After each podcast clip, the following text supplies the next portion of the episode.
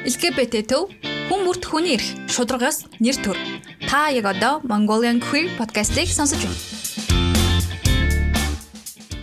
Сайн байцгаана уу эрхэм хүндэт сонсогчдоо. LGBT төвөөс эрхлэн хүргэдэг Mongolian Queer podcast-ийн маань шинэ дугаар эхлэхэд бэлэн болсон байна. Тэгэхээр өнөөдрийн сэдэв маань их сонирхолтой.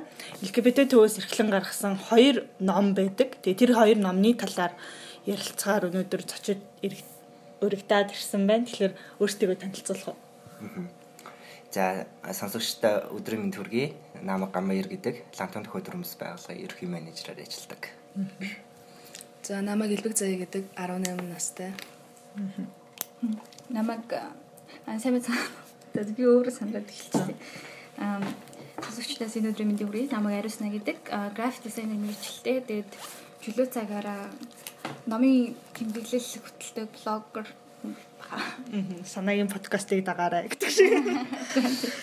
Тийм тэгээд өнөөдрийн хоёр ном маань болохоор нөгөө нэг LGBT төв маань урлагаар дамжуулж хүний эрхийг бусдад ойлгуулах түгээх гэдэг тэр хүрээнд гаргасан хоёр ном байгаа. Нэг нь болохоор амьдрал эрхчлөө хайрын магтуу дэлхийн шилдэг LGBT яруу найргийн антолог гэд энэ болохоор яруу найраг найргийн ном өөрөө яруу найрагч зохиол зохиолч, орчуулагч Анраа ах юм гаргасан ном байгаа. Нөгөөт нь болохоор Homo Liber гэдэг ном байгаа. Эссе төрлөөр бичигдсэн. Тэгээд зориг ах маань өөрөө блог хөтэлдэг. Блогийн төвөр маягаар гарсан юм хоёр ном байгаа. Хоорондоо их өөр. Тэгээд нэг нь ингээд айгуу гой талах шиг дуусчдаг. Нөгөөтг нь болохоор ингээд нэг тийм ингээд нэг дор идэгтэй дуугаад дуусчихгүй ингээд байн эргүүлж яхах нэг гоё юм шиг тийм хоёр ном байгаа. Тэгэхээр Homo Libre-с эхэлж ярих уу? Тэгэхээр яг яг уншихад ямар сэтгэгдэл төрсөн анх ямар ном байна гэж бодож исэн юу нонцгой санагдсан гэдгээр санаагаас эхлэв. Аа. Homo liber юу хавцсныхаа зургаас л амар өрмөц. Хүмүүсийн одоо сайн мэдих тийм одоо Микеланжело гэдэг алтартай уран баримтчин Давидын баримл ийм улаан өндөр гэсэн төвлөлтэй. Тэгээд аа нэг барын ирээ ингээд юу шүп нөмөрцөн. Тэгээ уруулын бодогтай ингээд аягүй тийм сонирхолтой зурагтай. Тэгээ им жижигхэн ном би ер нь бол нэг дор баг уншаад тусгацсан. Надад ингээ яг сайн найз заа ч юм уу нэг хүнтэй ингээл зүгээр чөлөөтэй ярьж байгаа юм шиг айгүй чөлөөтэй бичлэгтэй. Тэр нэг айгүй таалагдсан. Тэгээд бүр яг би нөгөө нийлээд айгүй сонирхоод одоо LGBTI гэдэг талаас нь зүгээр сонирхож унснаа сүултээ дотор нь ороод яг энэ хүмүүсийн одоо тэр туулсан түүхийг хамт туулж байгаа юм шиг айгу гоё санагдсан. Тэгээд сүүл нь бүр уйлсан. Тэгээ уншаад ер нь бол би өөрийнхөө тэр одоо LGBT тэр нийгмийн тэр зүйлүүдээс аюу хоцрогдмол байдаг юм байна гэдгийг ойлгосон. Айгу тийм ерөнхийн нэг юу гэдгийг өөрийнхөө нэг тийм жижигхэн үзэл баримталтай айгу амьдардаг байсан юм байна гэдгийг амар ойлгосон. Аа. Аа. Нэг таалагдсан. Тэгээд энэ номын зохиолч маань өөрөө айгүй чөлөөтэй бичлэгтэй. Тэгээ заримдаа үн харьгаа өгнүүдийг оруулсан. Тэгээ тэр нь ингээ бүр ингээ айгүй тийм сарказмтай заримдаа инээмэрч юм шиг тэгээл таалагдсан. Тийм. Өөр сонирхолтой санагдсан юм байна. За юу хамаарлал либер номын ялч нэг хавцны зураг ялч их сонирхолтой санагдаж байсан. Тэгээд яг нөгөө нэг анхлаа төсөөлж яснаар би өөрөө яг иргэний нийгэмтэй тэрсээ энэ яг ямар өнцгөөс бичигдсэн бол гэжсэн. Тэр нэг юу нь бол анхны тийм төсөөлөл Тэгтээ яг эхлүүлээд амар ивдэгцсэн байхгүй юу. Би бол яг нөгөө иргэний нийгмийн залуучуудтай бас нэг ойрхон байдаг учраас LGBT залуучуудтай ойр байдаг учраас ер нь бол төсөөл байдаг ч гэсэн а энэ номын бичигдсэн сая яаруу санаагийн хэлжсэн чиг тийм чөлөөт үг гэлгүүд нь бол их сонирхолтой санагдсан. А гэхдээ яг номыг талд нь оруулах би ном алдсан байхгүй. Тэгэхээр ерөөдөө бол яг гол уншиж чадаагүй. Гэхдээ яг эхлэл яг гал голд нь орох хүртэл миний яг а юу яж эвдэгдсэн зүйл мэн болохоор яг миний төсөөллийг бол шал өөрөөр эргүүлж тавьж байсан. Тэгэхээр яг дуусгаад бүр илүү өөрөөр хөөрөх байх л гэж би бодож байна л да. Гэхдээ яг энэ ном дээр яриг дээр гэхээр энэ дээр бол илүү сэтгэлээ хэлсэн чухал байх л гэж бодож байна. Тийм тэгээд манай хоёр оролцогч минь онцолж байгаа хавцны зургийг Нямдарж гэ ариун заяа гэд хоёр өөр уран бүтээлчийн зургийг нийлүүлээд ингээ сайн харах юм бол уруул хамар нүд гэдэг юм хүний царайг хийх гэж оролцсон тийм юу байгаа тийм Тийм. Миний хувьд болохоор би болохоор зураг нугаас амар онцлог байсан. Би одоо одоо дөнгөж 18-д болохоор яг анх хараад энэ зургийг амар ицсэн байхгүй юу. Тэгээ бүр ингээд ингээ амар онцгой санагдаад бүр айгүй содон байсан. Тэгээд би бүр ичээ тэгээд за яах вэ? Тэгтээ бүр амар юу ичээд тэгээд юу за энэчтэй гэж бодож ирсэн байхгүй. Эхлээд бол эхлээд бол анх харчаад за энэчтэй гээд зураг моргийг харчаад тэгж бодож исэн. Тэгээд юу доторхын болохоор ингээд уншаад эхлээд би нэг юу тоохгүй байжгаад сүүлд нь болохоор ингээд төгсгөлийн узан сарсан байхгүй юу. Япон таранс эмхтэй тэмдэглэлгээд тэр нь бүр миний амар сонирхлыг татаад тэгээ би нэг авч уншиж исэн. Тэгсэн чинь миний төсөөлсөнс бүр хит дахин өөр ном байсан. Бүр бүр илүү гоё гэж хэлмээр мүү. Яг ингээд хамгийн онцлог нь болохоор юу энэ дээр түүх байгаа. Тэгсэн мэтлээ түүхтэйгээ хамт юу? Ингээд өөрийнх нь юу? Бодит баримтыг хийсэн. Яг ингээд хүн өөр юм бичиж байгаа юу? Түүхэн дээрээ давхарлаад яг өөрийнх нь болохоор юу юм а өөрийнх нь түүхийн юу ингээд хавсгараад оруулаад тэрийг бүр ингээд хошин шок тийм шок маягаар бичсэн. Тэр нь бүр үнэхээр таалагдаад. Тэгээ миний бүр төсөөлжсэн хэд дахин юу байсан. Тэгээд энэ болохоор бүр арай л амар сайн мэдээлэлтэй санагдсан. Нөгөө нэг одоо Одоо ч эсвэл би 10 жилдээ болохоор Оскар Уайлд, Леонардо да Винчигийн талаар үнэхээр үзсэн шүү дээ. Тэгэхэд эдрийг яхаа гэ гэдэг нь үнэхээр мдээгүй. Тэгээд дотор нь үнэхээр тэрний ингээд түүхтэйгээ хамт тэгээд нүүрхэн бичсэн түүх нь бараал вау! гэж байгаа юм чи би бүр ингээд уншичаад бүр ингээд Леонардо Леонардо юу? Да Винчи.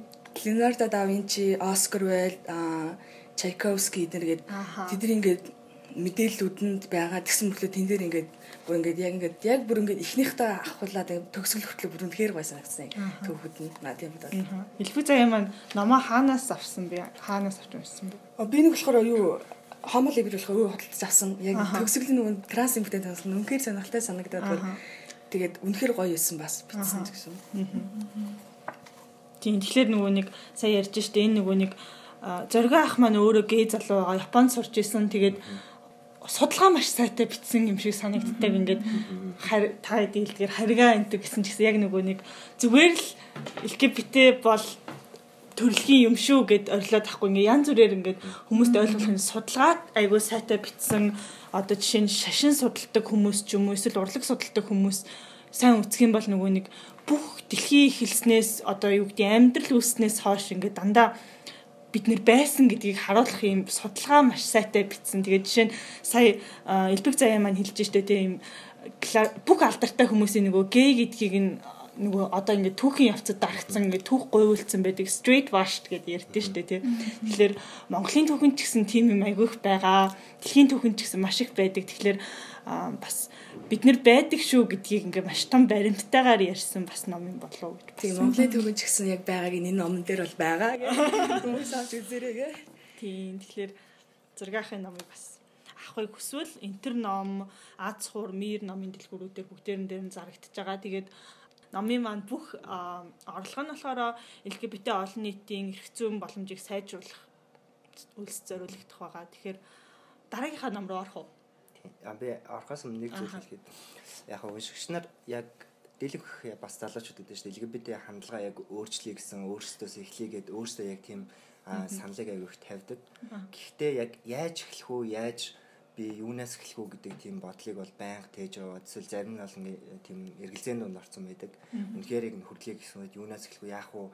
Тэдний талаар илүү ихийг мэдмээр ингээл ярилцдаг мөртлөө яг бодит байдлаар аа яг бодит байдлаар яг залуучуудад яг хүргэх гол нэг зүйл нь болохоор энэ номноос LGBT хүмүүсийн яг бодит түүх, мэдрэмж, төсөөлөл яг тэгээд хамгийн гол нь баримтанд тулгуурсан гэдгээр чи яг үнэнг уншиж байгаа гэсэн үг. Үнэнг уншаад тэр үнэнгээрээ дамжуулж чи энэ хүмүүсийн талаар үнэнг үнэн мэдрэмжийг авах юм боломж энэ номоор дамжигдана л гэж би бас хэлмээр санагдсан л да. Яа тэгэхээр одоо үед хүмүүс бол яг баримт нотлогоо ямар нэгэн тийм судалгаач гэдэг юм уу тийм үндэслэл маш их хайдаг.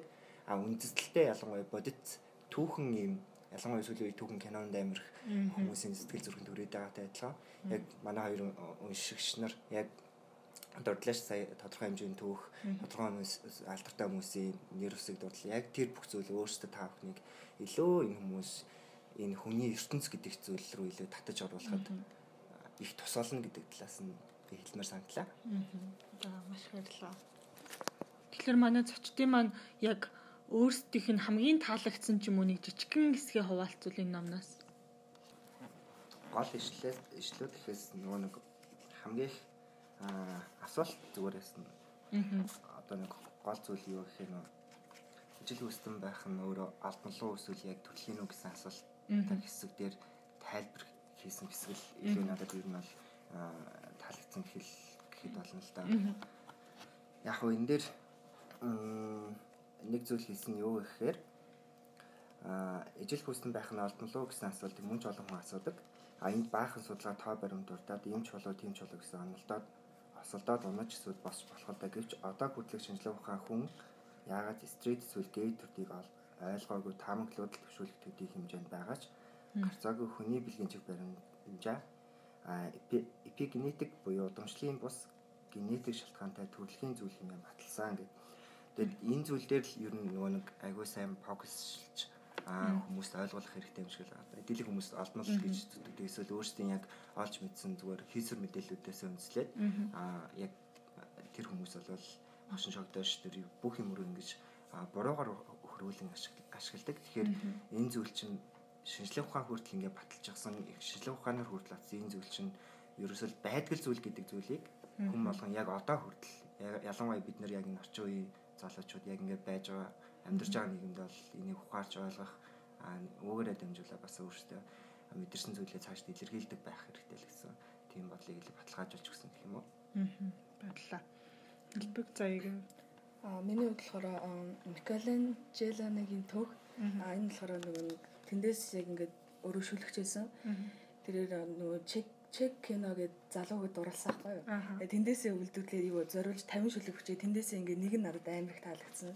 Тэр нь тэр нь болохоор түүнтэй уулзаад түүнд автахад ганц л цаг хангалттай байсан. Гэвч түүнийг мартан сэтгэлээ тайдрахад бүхэл амьдрал минь хөрөлцөхгүй.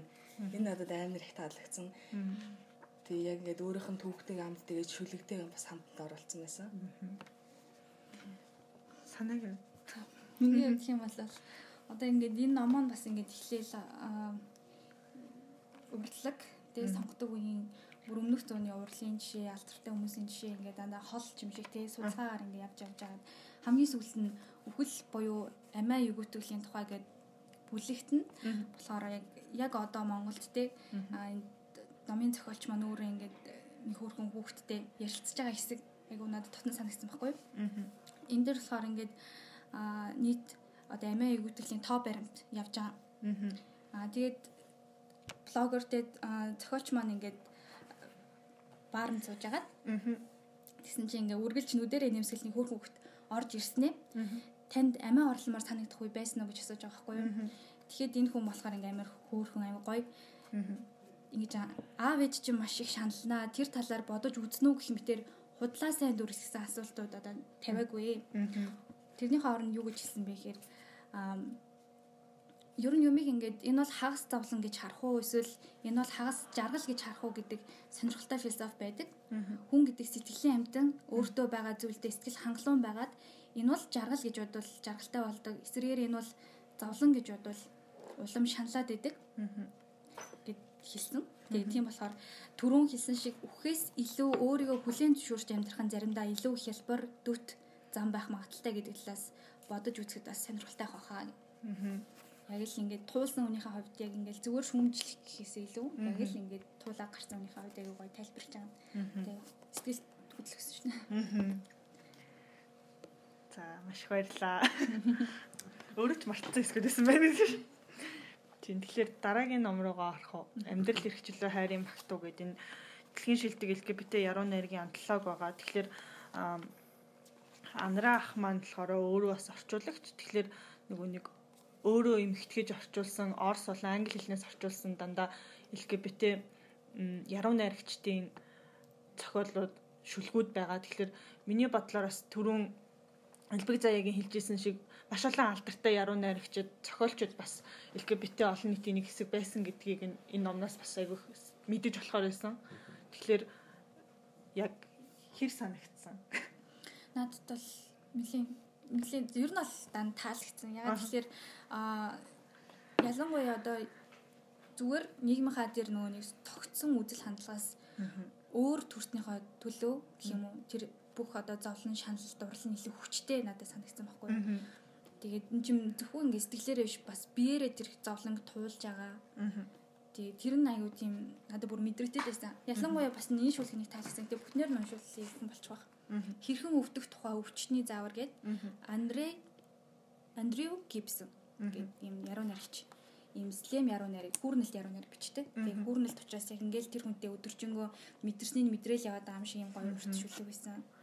Тэгээ ер нь ингээл тийм дурлалч тийм хүчтэй бас нэг тийм хясалтай юм шиг.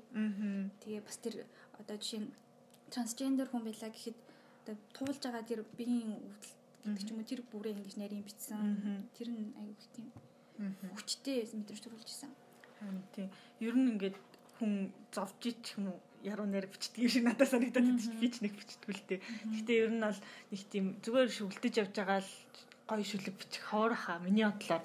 Тэгэхээр ингээд нэг тийм э, зовлон дээр үндэслэнэ гэх юм цаашийн дандаа юм айгүй хүчтэй мэдрэмж төрүүлэхээр айгүй хүчтэй яруу найргийг зохиолч маань өөрөө сонгосон юм шиг бас надад санагдсан. Тэгээд миний бодлоор LGBT олон нийт хайр дурлалынхаа хувьд дандаа нөгөө нэг эсэргүүцэл одоо юу гэдгийг үзэн ядалттай тулдаг учраас нөгөө нэг хүсэж исэн гэдэг шиг илүү хүчтэй илүү хүчтэй дурладаг гэж хэлхэн жашин зүгээр ингээд илүү хүчтэй мэдрэгддэг санагддаг. Тийм болохоор ингээд шүлгүүд нь бүр амар хүчтэй нэг тийм одоо романтик кино үзэж байгаа юм шиг мөртлөө романтик хэсгүүд нэг аллах шиг дүрслэгдсэн гоё кинонууд байдаг та. Яг нэг тэр шиг юм шиг надад санагдчихсэн. Тэгээд гамбайрын хувьд яг хэр санагдсан юм. Яруу нэр гэдэг өөрөө нөгөө нэг хүний сэтгэл зүрхэнд бүр маш хүчтэй нөлөөж чаддаг. Тэгээд айгүй тийм үнэн мэдрэмжийн цоглуулгад юм шиг санагддаг л да. Яа тэгэхээр яад үнэн мэдрэмж тодорхойлж байгаа? Яг түрүүн өөрийн чинь хэлсэнчлээ. Тэр хүний яг мэдэрсэн шаналл хийгээ дотор сэтгэл дотороо яг нууж байсан эсвэл гарахыг хүсээгүй бүхэн ерөөхдөө энэ үсэг энэ цаасан дээр ерөөхдөө тэмдэглэгдэж үлдчихэж байгаа. Тэрвэрээ дамжуулж тэр хүний дотоод ертөнцийг бүрэн дүүрэн мэдрэх. Одоо юу гэдэг нэг хүний дэрэгдээ суугаад би ийм байсан шүү гэж хэлэхээс илүүтэй дөрвөн мөрт юм уу эсвэл 20 мөрт тэр шүлгээр дамжуулаад яруу найрагта тэр шингээсэн тэр мэдрэмжүүдээр дамжуулаад хэлэх нь илүү хүчтэй байсан. Яалчгүй энэ дээр бичигдсэн тэр шүлэг яруу найраг болгоны мөр болгонд ингээд шингэгдсэн хавчуулагдсан тэр мэдрэмж болгоно айгу хүчтэй байсан л дээ яалчгүй. Яа тэгэхээр А яг мэдээч нөгөө нэг хамгийн дэлхийд алдартай шүү дээ эсвэл хамгийн их хүмүүсийн сэтгэл зүрхэнд хүмүүсийн ярууны эргүүд яг чиний амьдрал хамгийн үнэн тийм мэдрэмжл байд юм шиг санагдана. Яагаад ганцаардлын тухай шүлэг ярууны эргүүд хүний сэтгэл зүрхэнд гэлээ? Тэрийг уншсныхаа дараа хүн ганцаардаа зүсэд өөлмөр санагддаг гэхээр тэр чинь яг бид нэр өдөр тутамдаа толдог үнэн мэдрэмж байгаа байхгүй. Тэгэхээр юу гэх юм? Тэр үнэн мэдрэмжээ бүр маш их хүчтэйгээр шингээж бичснээрээ бол энэ юу гэдэг энэ дээр бичигдсэн яруу найргуудын энэ зохиолчдын хэм маяг нь бол арай өөр хурц. Тэгээд бас нөгөө нэг илүү их тийм ганцаарцсан илүү их харуулсан. Магадгүй тийм шанал гэдэг зүйл нь арай илүү мэдрэгдсэн. Тэгээд бас үүнийг уншиж байхдаа бас нэг зүйл. Яг энэ номыг яг хинт зориулж бичсэн бэ гэдгээс одоо юу гэдэг эрхлэн гаргаж байгаа хүмүүс нь яг LGBT хүмүүсийг энэ талаар ойлголтыг олон нийтэд хүргэж байгаа гэж хэллээ. Тэгээ унших нэг өөр. Зөв цэвэр яг ном гэдэг бүтээл гэдгээр нь барьж аваад унших. Бас нэг өөр юм л да. Бүтээл энэ ном гэдэг зүйлээр нь барьж аваад уншихаар өөрөө энэ дээр бол нэг зүйлийг одоо би аль аль хандлагыг мэдж байгаа учраас ялгааг нь мэддэг байгаа. Би чинь хүн штэ би ингэж шаналдсан штэ. Би яг ийм ийм штэ. Одоо юу гэдэг би ч гэсэн ерөөсө хүн шүү дээ оршихуй штэ гэдэг зүйлийг айгүй тийм хүчтэйгээр хэлж байгаа мэд тийм мэдрэмжүүд бас зарим шүлгийн мөрүүдээс бол илүү тодорхой харагдаж байна. Тэгээд ялангуяа түрүүний хэлжсэн нөгөө хайр дурлал одоо юу гэдэг хин нэгнийг санах хин нэгний төлөө одоо юу гэдэг шаналах тэгээд тэр хайрынхаа төлөө яг тэгж дотроо шаналж хийгээд үгс холбож бичиж байгаа тэр агшин болгон бүр айгу уус ялч үн цэнтэй л байх байх. Гэтэ хизээч бичиж байгаа хүмүүс угаасаа бичиж байгаа зүйлээ нөх үн цэнтэй гэж хардггүй л дээ. Бичлээ бичээд магадгүй нийтлэгдээд тэр хүний бүтээл уншигдэж хэлсэн цагаас л үн цэнтэй болж эхэлт юм шиг надад санагддаг. Гэтэ гаргаж явах тэр процесс бол хамгийн үнэн процесс төлөөдөг байх гэж байна. Типик заяагийн хувьд ном хэр санагдав? За миний хувьд гэвэл би номыг болохоор насаг дөржин номоос ингээ Американ корноос очиж авч уншиж байсан. Аха. Түрээслээ тэн дээр очихоор юу иргэний эмнэлгээ өгөө тэгээ түрээлж авч уншдаг. Аха. Ер нь бол яг тэгэл анх гарсан цагаас нь ахуулаад надад нэр нь амар гоё санагдсан. Аха. Яг зурагтайгаа ингээд зөгцөөд ингээд бүр нөгөө хавцыг авч ард хавцын номныхын хавцыг авч авдаг хүн шүү дээ. Харж байгаад авдаг хүн тэгээд бүр зураг нь зураг тэгээ нэр нь болохоор үнэхээр гоё санагдаад тэгээд яруу найраг гэхээр би сонирхож үзсэн. Эхэндээ бол би бол зохиол уншдаг. Яруу найраг ерөөс сонирхож байгаа байхгүй юу? Тэгээд яруу найрагаас авч уншсан чинь юу эндээс бүр хамгийн таалагдсан зүйл нь гэвэл юу амар олон зохиолчд LGBT олон зохиолч зохиолчд юу юу юу намтартайгаа байсан. Эхлээд бяцхан дээр нь бяцхан намтар тэгээд доор нь нэг юу нэг яруу найраг тэр нь бүр амар гоё байсан. Тэгээд юу яруу найргийн ингээд олон LGBT яруу найрагчдын юу ингээд түүх намтартайгаа байсан. Тэрнээс эхлээд ингээд LGBT яруу найрагчийн түүх намтрыг бяцхан бичээ доор нь болохоор яруу найрагаас нэгийг бичсэн. Тэр мөр амар гой санагдсан. Амар олон юу LGBT юу яруу найрагчдыг мэдэж авсан. Тэгээ тэн дээрээс бүр түүхтэйгээ амьдарч ийсэн үе баг шагналын хүртэл бичсэн байсан. Тэгээд тэгээд яг ингээд уншиж байхаар болохоор ингээд ингээд LGBT хүмүүсийн ингээд тайлбарлаагаас ингээд амар жоохон асуудалтай байдаг шүү дээ. Ингээд ягаад ч би ингээд бүр ингээд яг тийм амар хордон бүтчихдэггүй босод стресс асуудах шиг. Тэгээ ямар ямар нэг юм сэтгэлийн зовиртой байдаг. Яг ингээд тэр бүрийн ингээд биднийг хэлж чаддгүй тэр бүрийн ингээд энэ хүмүүс болохоор ингээд өөрөөсөө яруу найргаар ингээд гаргацсан юм шиг санагдсан. Тэгэл ингээд яг ингээд эхнээс нь унсаж хахаар зарим нь болохоор ингээд бүр амар яг ингээд миний хэлэх гээдсэн зүйлийг яг энэ дээр ингээд гаргацсан юм шиг альсуу тэгээд ингээд яг ингээд унших тусам ингээд яг ингээд тэр ингээд LGBT одоо энэ яруу найрагч ингээд дотор нь ороод ингээ өөрөө ингээ мэдэрч байгаа юм шиг санагдсан. Би яг ингээ надад ингэж мэдрүүлж байна гэх тийм орчуулга нь амар гоё санагдсан. Ингээ зарим нэг хүмүүс ч уншаа ойлгохгүй шүү дээ. Ингээ орчуулганаас нь болоод тэгэхгүй нь болохоор яг ингээ яг ингээ өөрөө битсэн юм шиг анараах өөрөө битсэн юм шиг орчуулсан байсан. Тэгээ бүр ингээ амар сэтгэл түрээд яг ингээ унш уншаал уншаал байна. Тэгээ би нэг өөрийнхөө ширээний ном болгохыг болгомоор байгаа. Тэгэхээр яг элбэг заяагийн хэлсэнчлэн нэрнгэсээ зүгээр ингээл нэг уншаал дуусчих ном биш. Тэгээд нэг дор ингээ бас уншигдахгүй ч юм шиг. Тэгэхээр ингээд нэг тийм гонхтой үедээ уншихаар нэг үдэс яриад байгаа ч юм шиг. Би л яг энэ номыг болохоор нөгөө нэг найз өхөнтэйгээ муудалцгаараа ч юм уу яг нэг тийм гонхтой үедээ сөхөж харах бас айгүй дуртай. Баян ер нь яруу найрагт сонирхдаг хүн болгоны болгоны тийм номын санд байгаасаа гэж хүсдэг ном. Миний хувьд тэгэхээр санаагийн хувьд ямар сан Аа надад бол энэ яруу найрагчдаас бас маш их сонирхол татсан нэг алдартай. Ерөөсөө огт одоо энэ билийн цөөх LGBT байсан гэж бодоогүй энэ яруу найрагч харагдчихсан. Жишээ нь Emily Dickinson байна тий. Энэ хүн маань болохоор амьдралдаа нэг гэрж байгаагүй шүү дээ. Тэгээ хүмүүс болохоор нийтээр Emily Dickinson байсан. Тэгээ Emily Dickinson-ыг насаараа бол ингээл шашны л хүн байсан гэж боддог байсан гэдэг ч юм уу. Гэтэл одоо түүний яруу найрын тэр хүний ээжийн хийх юм бэ гэдгийг нь одоо бичүүлдээсэн гэдэг ч юм уу. А бас Папла нэрүүд доо Сергей Синин хийж байсан юм. Walt Whitman, Марина Баева зэрэг хүмүүсийн шүлгүүд хүмүүсийн нэрүүд харагдсан аюу гайхалтай санагдчихсан. Тэгээ дээрээс нь зөвхөн ингээд ерөөсөө хайрын магтуу гэхээс гадна хүүгүний оршихуйн тэмцэлт гэдэг ч юм уу тэр зүйл маш их мэдрэгдчихсэн. Ялангуяа мэдээж хүн болгон өөртөө хүн болгонхоо өөрийнхөө яг жинхэнэ хинбэ жинхэнэ мэдрэмжээ эхлээд их дартаг юм санагдсан л да. Зүгээр л ингэ найрамдaltaй байхын тулд ч юм уу хүрээлэн орчинтоо. Гэтэл ингээд хин хин хайрлаж байгаа, хин хин дурлаж байгаа. Тэр нь өөрт нь маш их зөрчлийг үүсгэж байгаа. Нэг талаараа эргэн тойрныхондоо ингээ дундаа бол нэг хүчин мөхсөж байгаа юм шиг те өөрөө үүсгээл үзэн ядаж байгаа юм шиг хэрнээ нөгөө талаар тэр дурлал нь өөрт нь яг хин бэ гэдгийг мэдрүүлээд өгдөө. Тэрнийхээ төлөө ингээ босч тэмцэж байгаа ч юм уу айгу тийм олон зүйлийг мэдэрч болохоор зөвхөн ингээ бидний төсөөлтөөр романтик хайр биш. Нэг л тийм төрчилний тийм хуулж гарч байгаа тийм олон төрлийн мэдрэмжүүдийг надад энэ ном бол мэдрүүлжсэн. Аа. Биш баярлалаа. Тэгэхээр нэр анраах маань өөрөө бас шүлэг бичдэг яруу найрагч Тийм энэ болохоор зөвхөн орчуулгынх нь зохиол бүтээлүүд байгаа. Тэгээд бас эзэн нэгт өөр өөрийнхөө яг шүлгээр ном гаргах байлгүй. Тэгээд яг түрүүний хэлсэнчлэн нөгөө нэг шүлэг болгоныхоо урд тэр тухайн зохиолч яруу найрагчийн намтар байгаа. Тэгээд намтар нь байгаа. Тэгээд намтрын ингээд уншичаад дараа нь шүлгийг уншихаар ингээд бүр ойрж байгаа юм шиг. Тэгээд бас энэ ном ингээд би анх зүгээр нөгөө номынх нь их бэлтгэл дээр сууж гисэн байхгүй. Тэгээд ийм ном гарах гэж байгаа гэхээр би айгүй цөөхөн хүн төсөлжсэн одоо нөгөө яруу найрагчд гэхээр тэгсэн чинь бүр ингээд айгүй олон яруу найрагч айгүй би бүр амар гахаад нэг тийм ийм олон мундаг яруу найрагчд байдгийм байна.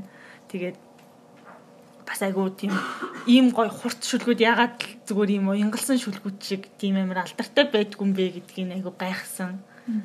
Тийм. Тэгэхэд миний бүр ингээд амар алдартай байгаасаа гэсэн бүр хүн болгон нөгөө нэг 10 жил цээжлүүлдэг шиг тэгээ цээжлүүлээсэй ч гэсэн гоё шүлгүүд харагдчихсэн. Тэгэхээр та нарын хувьд яг бүр юм бүх шүлгийг унших албагүй зүгээр ингээл нэг ганц хоёр хүн хамгийн гоё мөр байвал нэг манай сонсогчдод туваалцаач. Гэтэ яг түрүүн яг хэлсэн нэг намтар байгаа нь бас ялчгүй хүнд айгу айгу чухал үүрэгтэй санагдсан. Магадгүй юу гэдэг хамгийн урталт нь зөвхөн LGBT яруу нэрч амтлаа гэд бичэл бүх зөвхөн зохиолч нь бичээ яруу нэргийн биччихсэн бол бас яг нөгөө нэг тухайн мэдрэмжүүдийг ойлгоход маш дутуугаар ойлгох боломжтой байсан. Жишээлбэл маш их ялгуурлан гадуурт өртөжсэн эсвэл аавтайгаа ойлголцдоггүй байсан гэхэд ингээд тухайн намтрууд дээр нь бас тодорхой хөө хүмүүсийнх нь тодорхой асуудлууд бас тодорхой хэмжээгээр тусгагдсан байсан. Тэрийг нь уншигчаад эргээд яруу нэрэг тэр байдлаа яаж одоо юу гэдэг тэр нөхцөл байдлууд тэр хүнд ямар их шаналл хийгээд ямар их тийм зөрчил үүсгэжсэн бэ гэдгийг тухайн намтар болон иншүлэг хоёроо хослуулаад авах юм бол илүү ойлгож болохоор тийм байсан. Ялч гэдэгтээ нөгөө нэг содон яруу найрагч тусгагдсан байсан бол их сонирн байсан л та. Би тэгтээ Dixon бол нэг хизээч ерөөсөө тэгж төсөөлж уншаа. Тэгтээ би шүлгүүд нь унших аймаг туртай. Лавдэлмөгчийн орчуулгаар ер нь бол байнга уншдаг байхгүй. Тэгтээ би ерөөсөө яг тийм гэж мэдээгүй. Ер нь тийм байдлаар ерөөсөө төсөөлж байгаагүй. Аа тэгтээ яг шүлгийн яг мэдснийхаа дараа бол айгүй сонирхол. Яа тэгэхээр тэр хүний яг нэг дотоод ертөнц айгүй тийм өрмөцөдөг байхгүй. Яа би анхлаа зүгээр юу гэдэг Эмили Диксэн шүлгийн уншихад бол миний татгшаа бүр маш сайн оруулж чаддаг байхгүй. Яагаад ч мэдгүй Ястаа нөгөө залуучдын хэлдгээр ямар оруулах гэдэг юм уу тийм. Гэтэ шүлэг яруу найраг өөрөө хүнийг маш сайн ботход тунгаахад өөрийгөө хайхад анзаарч мэдэрч чадаагүй мэдрэмжүүдийг амтлахад айгүй их том өөрөг гүйцэтгэдэг гэж боддог. Маш том роман уншаад за иймдэ гэж бодох хөөр яруу найрагаас хитгэн мөрөнд багтаагаад олж авсан мэдрэмж хоёр бол харьцуулшгүй тийм үнцэнтэй гэж би боддог. Тэр утгаараа бол энэ дээр гарсан яруу найраг болоод энэ бодит түүх болгон айгу үнцэнтэй санагдсан. Тэгээ үүгээрээ дамжуулаад ялч хүнд бас нэг тодорхой юм ойлгуулах. Мм тиймдээ гэдэг өөрөө өөрийнхөө өөрөө өөртөө гарсан тэр зөрчилтэй асуудалтайгаа нүүр тулаад эргээд нь бодох чухал хөшиг болох байсан байх. Манай сонсогчд бол амьдрал эрхчлөө харийн магтуу номтой бас баг зэрэг танилцсан байгаа. Хөтлөгч Аги бол подкастын дугаар олны төгсгөлд та бүгд бас яг хэсүүдийг гоё түүж уншиж өгдөг байсан. Тэгэхээр үнэхээр дуртай хүмүүс байгаа тэр яг шүлэн уншигчд нь айгүй дуртай сонсогч зөндөө байдаг. Тэр уншигчдыг бас бүтэн номоор нь худалдаж аваад өөртөө уншаач гэж зөвлөмөр байна. Тэг миний нэг зөвлөх зүйл бол хэрвээ чи стрейт бол өмнөг уншихаар ингээд уншаал байх тусам юу яа LGBT хүмүүсийн дотоод мэдрхийг мэдэрч чадах байх.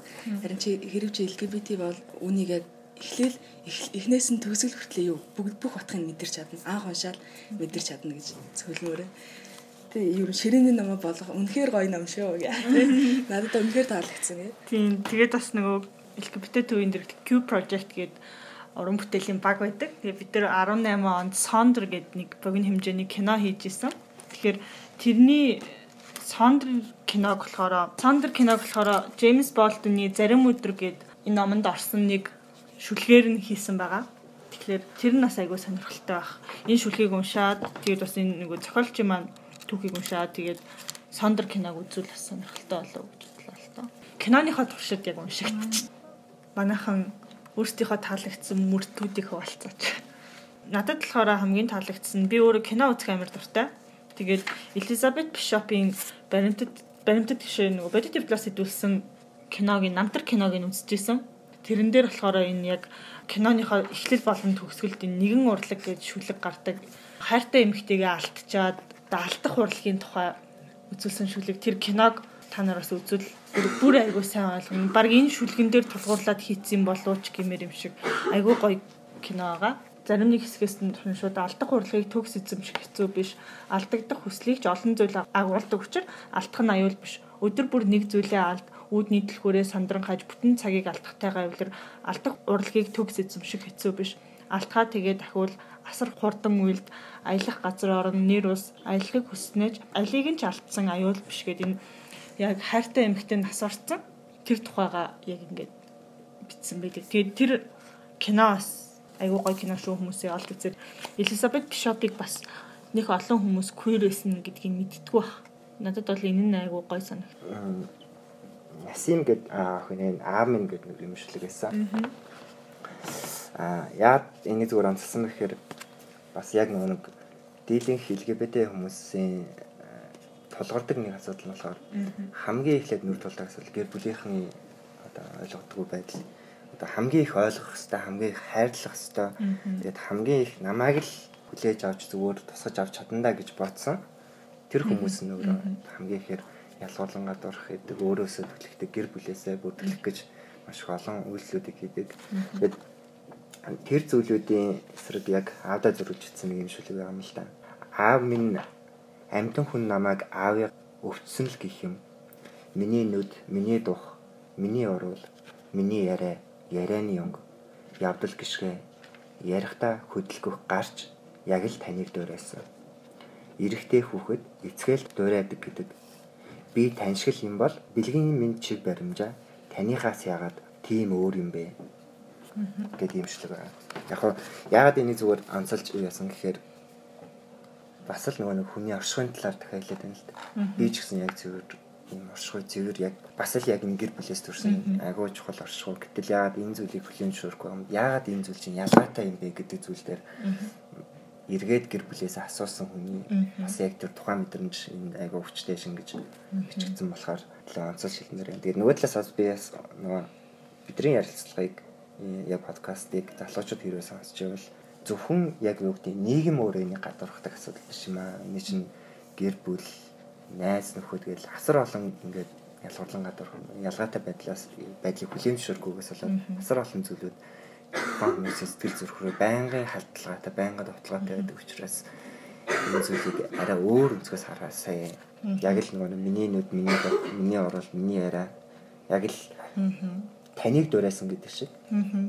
Та нарыг ч гэсэн яг л тантай адилхан яг л тантай адилхан оршихуй байхгүй яг л тантай адилхан хүн байхгүй гэдгийг энд бас зөвхөн аавдаа хэлээд байгаа биш. Энийг уншиж байгаа аюу олон хүмүүст бас хүргээд байгаа юм шиг.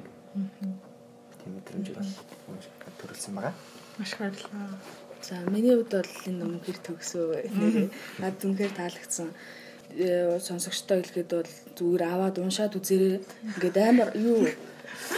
Яг энэ надад юу амар олон зохиол уншсан юм шиг санагдана. Яг гэвэл амар олон олон олон хүний юу түүхүүд юу яг тэр үеийн олон олон хүний түүхээ олон олон өөр хүн бичсэн олон өөр хүн бичсэн олон түүх байгаа учраас дотор нь нуугдж байгаа учраас. Тэгээд миний хамгийн их таалагдсан гэвэл Фредерико Гарсей Лоркагийн тастад чаж тастад чаддагсан бол гээд тэр яг төгсгөлийн тест уншчихъя энэ л шүн нэрийг чинь хэлэхэд нэр чинь хол нэхээд ч хөршгүй. Бүх одоос бол бүр тийм хол бас бүдрэг зүсэх борооноос ч үтэй тэгэхэд хайрлсан шигээ дахин чамайг хайрлах уу? Зүрх минь ямар гинтээ гэж манан сарнахад магад өөр хүсэл ирэх үү? Амирлангуй бас ариун байх уу сарыг л дэлбээ дэлбээгээр нь тас чаддагсан бол энэ нь болохоор амар их таалагдсан гэ амар харин юутай гэ ямаас юутай би заяа маань өөрөө дурлцсан байгаа маа та Бас нэг тийм байгаа яа. Миний талцж үгүй амар уртай л та. Тийм байх тий. Зүгээр нэг хэсгээс нь хамгийн таалагдсан өрөөч уншаад өгч болно шүү дээ. А тэр төрөний ядаас эрхэн утгах тухай өчтний заавар үү? Тийм. Аа. Тэгээд л За за гоё юм бэл. Тань зүрхтэн за за. За би энэ Тасия Вандри гээд Япон гаралтай. Гэрэл зурагчин, уран баримлч, зураач, уран бүтээлч гэдэг ингээд урлагийн өндөр мэдрэмжтэй эмэгтэй bisexual эмэгтэй шүлгээс уншия. Ив хавгүй төгс төгөлдрийн чинжин оршин буйг огоорыг харж чадахгүй тодорхойгүй хоосныг туулан өнгөрсөнд гатсан хөдөлгөөнөөс өөр юу ч үгүйсгэлгүй урагшлээ. Ялагдсан тул цөхрлүүдээ чамд үгүй. яагаад ч нэмэргүй үгүйсгэлийг эмзэглүүлэх яг л энэ цогт цуглуулгыг үгүй хийсэн чи намайг гівч үгсэн хിവэр биш би. Өөрийгөө чинийх гэдгээ ой дурсамж агуу тооноос мэдсэн. Чадлыг минь барах эсэргүүцэлтэйгээр чамайг би тэврий өөрийгөө өгье бүх сайн сайхан хязгааргүй гэсэндээ бүгдийг мартах тэрл мөчүүд мөнх гэсэндээ үнэн ч үлдээ. Чи үзэсгэлэнтэй ив хавгүй төгс төгөлдрийн чинжин энэ ертөнцийг минь хүндрүүлв Тийм гоё биш тийм би. За тэгээд манай зохиолчдын өгсөн ярилцлагыг та бүгд бас хүлээн авах боломжтой. Яг LGBT радио гэсэн подкастын хамгийн ихний дугаарт байгаа. Энэ нөгөө 2017 оны 12 сарын 10-нд энэ ном энэ хоёр ном маань интер номд нээлттэй исэн. Тэгэхээр яг зохиолчдын зүгээс бас юу бодож исэн, энэ номыг яагаад гаргаж байгаа вэ? Нийгэмд ямар хэрэгтэй вэ ч юм уу те тэр бүхнийг таад бас сонсох боломжтой байгаа шүү. Подкастаар байгаа. Тэгээд энэ номнууд маань болохоор түрүүн хэлсэнчлэн интер ном аз хуур мир гэсэн номын дэлгүүрүүдээр бол зарагдчихж байгаа. Гэтэ бас LGBT төвөөс авах боломжтой байгаа. Та нар хэрвээ авах мөнгөгүй бол LGBT төвөөс бас нэг шиг байгаа хүмүүс аваа явчихдээ түрээслээд уншиж болно. American Corner. Боломжгүй хүмүүс маань ч юм эсвэл хүүхд эсвэл авах боломжгүй бол American Corner нацаг дөрчийн номын сангийн хажууд тэнд тэрний номын санд байгаа бичиг баримтаа үлдээгээд аваад унших боломжтой байгаа шүү. Ирсэн зочдоо маш их баярлалаа. Тэгээд өөр хэлэх юм байвал хэлж болно.